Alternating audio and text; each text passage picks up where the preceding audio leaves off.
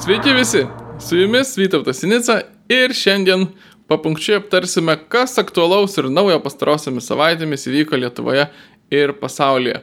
Tai nebus galbūt patys svarbiausi dalykai, tai bus ties dalykai, kurie, mano manimu, nesusilaukia pakankamo dėmesio Lietuvos žiniasklaidoje. Šią laidą galime laikyti pirmąją naujo sezono papunkčiui laida. Pirma, pradėkime nuo propatrijos kiemo reikalų. E, garsus apžvalgininkas Kirmantas Malinauskas savo rūpiučio pabaigoje e, įrašytoje laidoje pareiškė, cituoju, e, Propatrija ir kitos panašios jėgos dabar lipa su Viktoru Uspastichu į vieną sceną, dalyvauja jo apmokėtuose mitinguose, kalba šalia su Uspastichu, su Algirdu Paleckiu, su Vaidu Lekštučiu ir kitais asmenimis, kurie yra teisti už antivalstybinę veiklą, šnipinėjimą ir panašius dalykus.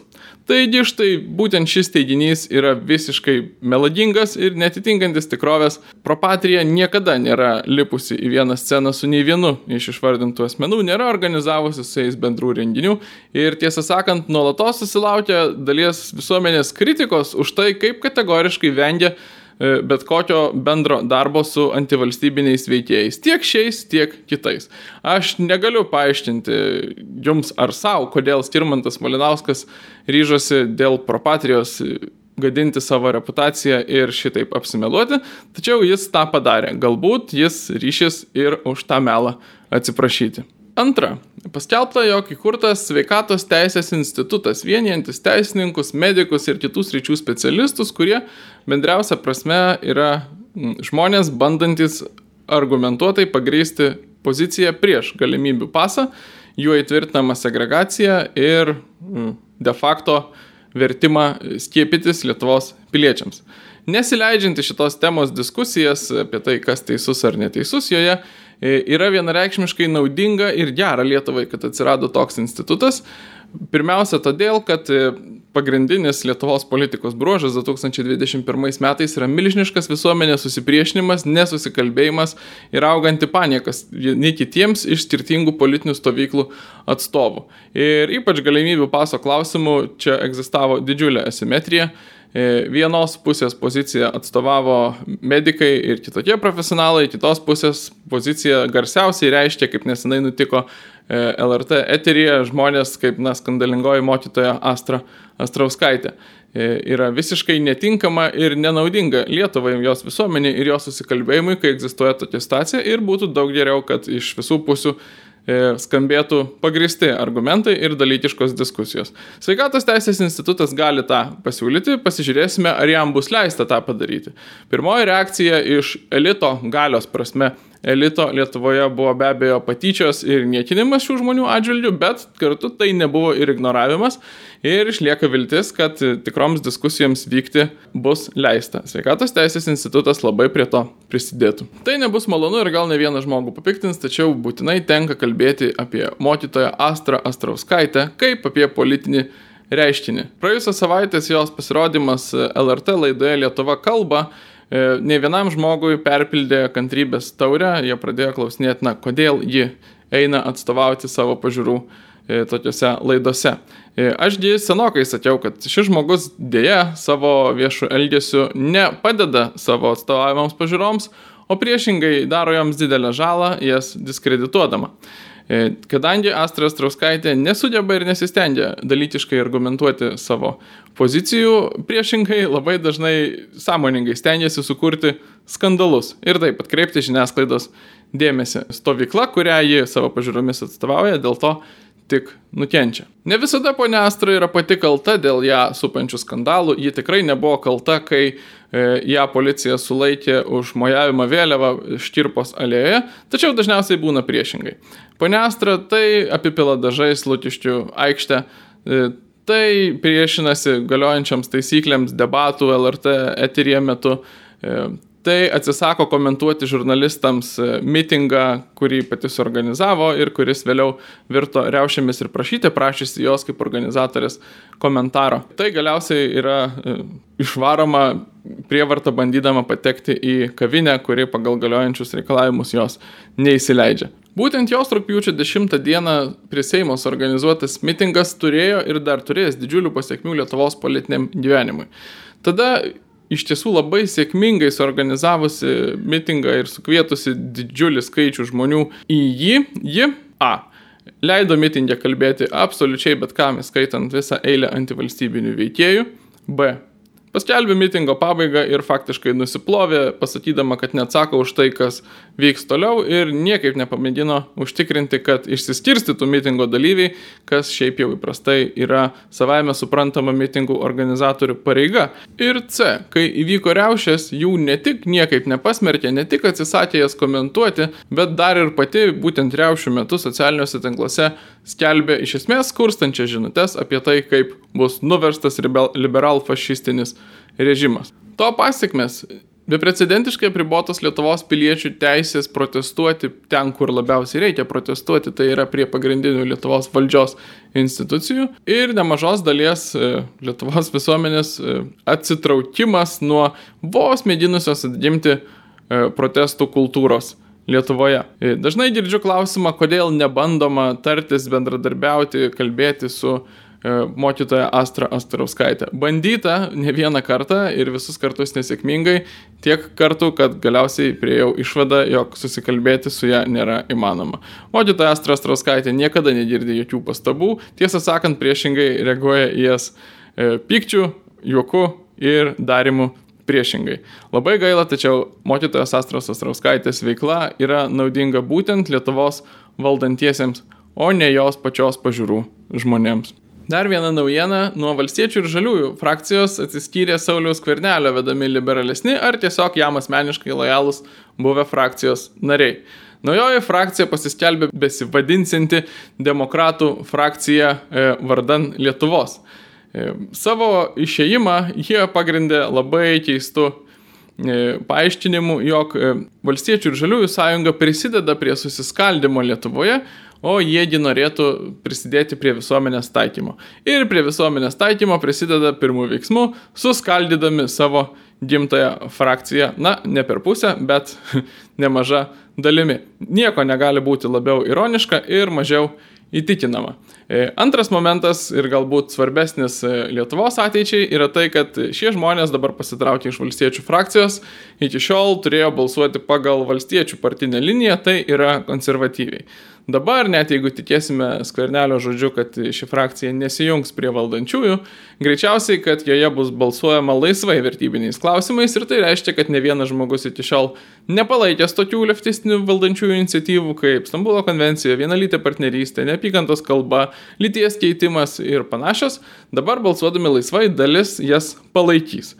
Ir vienareikšmiškai konkrečiai Saulis Kvernelis bus atsakingas už tai, jeigu kelių balsų persvara, kurie nors iš šių radikalių projektų per likusi kadencijos laiką bus priimti. Tik pačiam Saulis Kverneliui lieka nuspręsti, ar tokios jo išeimo pasiekmes nedidins įtampos Lietuvos visuomenėje. Daugiausia Audriaus Bačiulio pastabumo dėka socialiniuose tinkluose Lietuvos visuomeniai pastaruoju metu buvo priminta, jog pernai ryškiausios konservatorių figūros - Kubilius, Juknevičianė, Šimonytė, jų ministras Dulkys e, viešai ir labai piktinosi ir smerkė e, ankstesnės valdžios rekomendacijas, pabrėžiu, rekomendacijas į įvairias įstaigas neiti pensinio amžiaus žmonėms, kurie, kaip gerai žinoma, yra, buvo ir išlieka E, pagrindinė mirties nuo COVID rizikos grupė.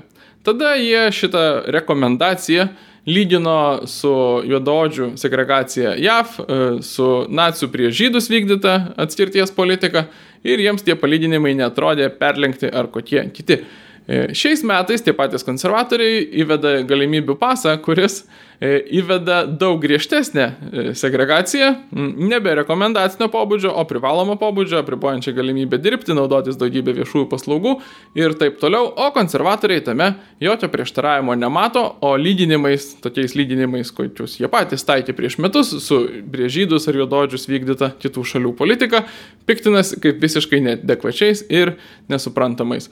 Nors, e, akivaizdu, e, tiek e, skiepas, tiek amžius yra labai panašiai, o amžius galbūt net ir labiau. COVID pavojingumą lemintis veiksnys. Trumpa konservatorių atmintis. Visą mėnesį ramybės nedavė klausimas, kodėl tik rūpjūčio pradžioje konservatoriai pradėjo taikyti nelegalų neįleidimo į Lietuvą vadinamųjų pushbackų politiką. E, galėjome tik spėlioti ir negalėjome sulaukti atsakymo ir iš tikrųjų klausimas prašėsi labai rimtai, todėl kad politika buvo ir visiškai teisėta, e, turinti daug precedentų ES ir akivaizdžiai labai efektyvi. E, pagaliau visas abejonės išsklaidė pati ministrė Bilotaitė interviu Vladimirui Laučiui Delfi portale, e, pasakiusi taip, cituoju.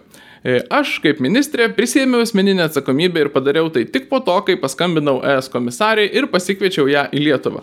Po to pokalbio tą patį vakarą buvo pasirašytas šis operacijų vadovo sprendimas. Tai yra sprendimas nebeįleisti nelegalų į Lietuvą, stumti juos atgal į Baltarusiją.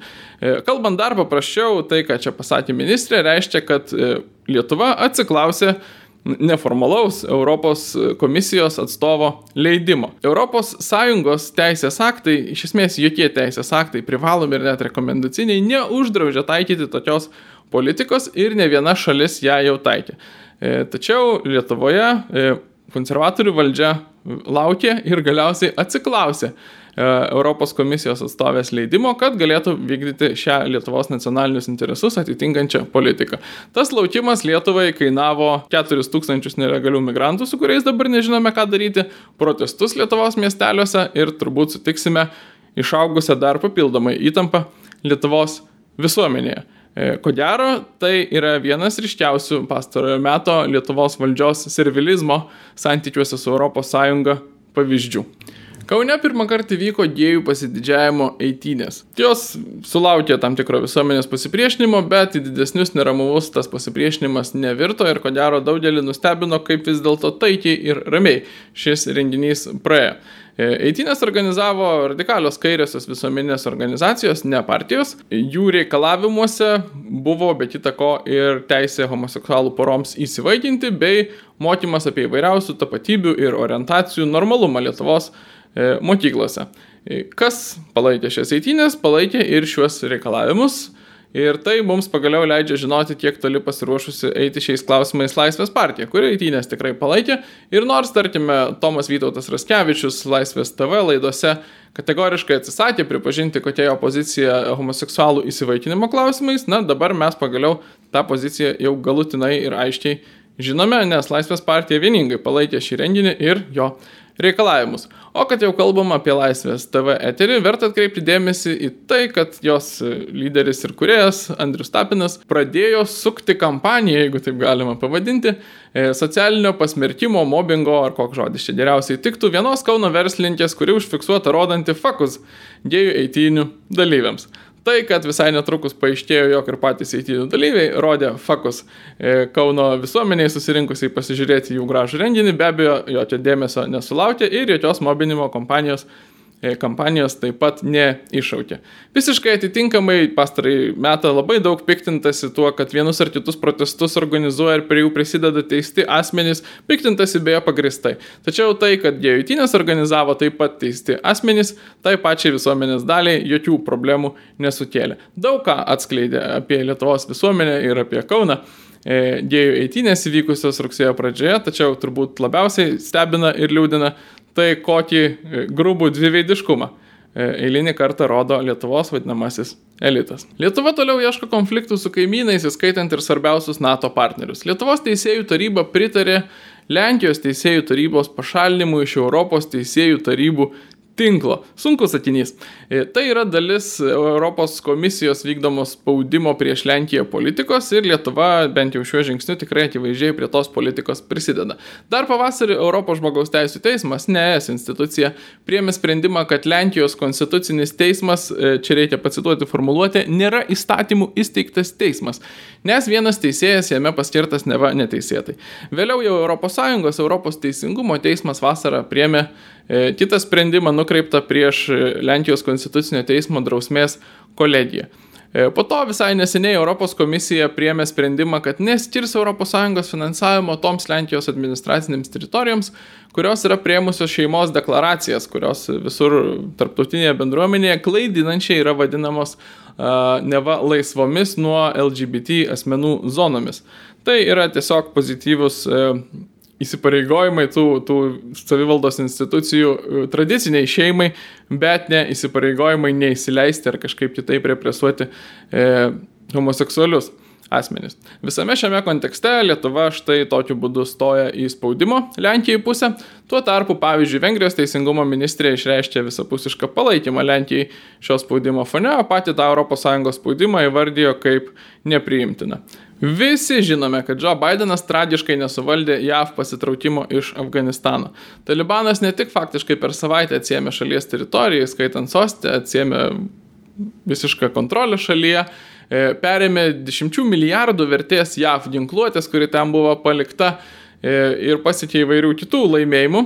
E, tačiau galbūt svarbiausia, visa tai įvyko ne dėl kažkokių aplinkybių nepriklausiusių nuo prezidento, o būtent nuo pačių JAV prezidento Bideno klaidų. Tokių sprendimų kaip pirmiausia e, iš šalies evakuoti daugybę kariškių ir tik vėliau susirūpinti civiliais. Tokių sprendimų kaip pirmiausia apleisti karinę bazę, kurioje prie Kabulo E, buvo įsikūrę JAV kariškiai ir po to naudotis civilių oro uostų, tokių sprendimų kaip remtis Talibano užtikrinamą apsaugą, e, evakuojantis iš e, Kabulo ir kitų šalies teritorijų JAV piliečiams. Visą tai gana plačiai aptarta. Tačiau niekur, mano galva, žiniasklaidoje Lietuvoje nenuskambėjo faktas, kad to pasiekmė JAV visuomenės dauguma šiai dienai mano, jog e, Joe Bidenas dėl savo fiasko Afganistane turėtų atsistatydinti. Tokį požiūrį palaikė 52 procentai Rasmussen Reports, e, tikrai solidžios apklausų e, bendrovės JAV atlikto tyrimo respondentų. Tai yra ne šiaip koks klausimas, palankiai, nepalankiai vertinate, esate patenkinti ar nepatenkinti tenkinti prezidento vykdomą politiką. Tai nėra reitingai, tai yra konkrečiai požiūris dauguma žmonių mano, kad Joe Bidenas turėtų atsistatydinti. E, žinoma, Joe Bidenas to nedarys, bet tai turi pasiekmių jo tolesniai politiniai veiklai, tai labai apsunkina jo bandymus priimti kokius nors bent jie kontroversiškus sprendimus, e, tai mažina drąsą jo šalininkų senate ir kitose institucijose, tie, kurie yra bent kiek sviruojantis, palaikyti jo pasiūlymus dabar sviruos dar labiau ir tai suteikia drąsos priešintis jo oponentams, respublikonams. Matysime vis turbūt kategoriškesnį jų oponavimą ir kliūčių kūrimą Bideno politikai. Pasiekmes Afganistano e, klausimų padarytų klaidų bus jaučiamos ir namuose. Kadangi bandant atsigriepti už praėjusią laiką be laidų, ši laida buvo faktiškai apie viską, e, sudėtinga būtų ją apibendrinti ir mes nebandysime to daryti. Tiek Lietuvoje, tiek pasaulyje pagrindinės politinės tendencijos išlieka, o Lietuvoje, mano galva, pagrindinė tendencija yra visuomenės susipriešinimas, įgaunantis vis naujus pjūvius ir naujas formas ir kuriamas daugiausia valdžios pastangomis. Konkrečiai apie susipriešinimą, kaip mums jį traktuoti ir ką su juo daryti, kalbėsime kitoje laidoje, šiame naujame papunkčiui sezone. O tuo tarpu dėkoju Jums visiems, kad vis dar žiūrite, vis dar mus remiate, kas dar to nedarote, tapkite mūsų remėjais, prenumeruokite mūsų YouTube kanalą ir iki kitų susitikimų. Sudėjau.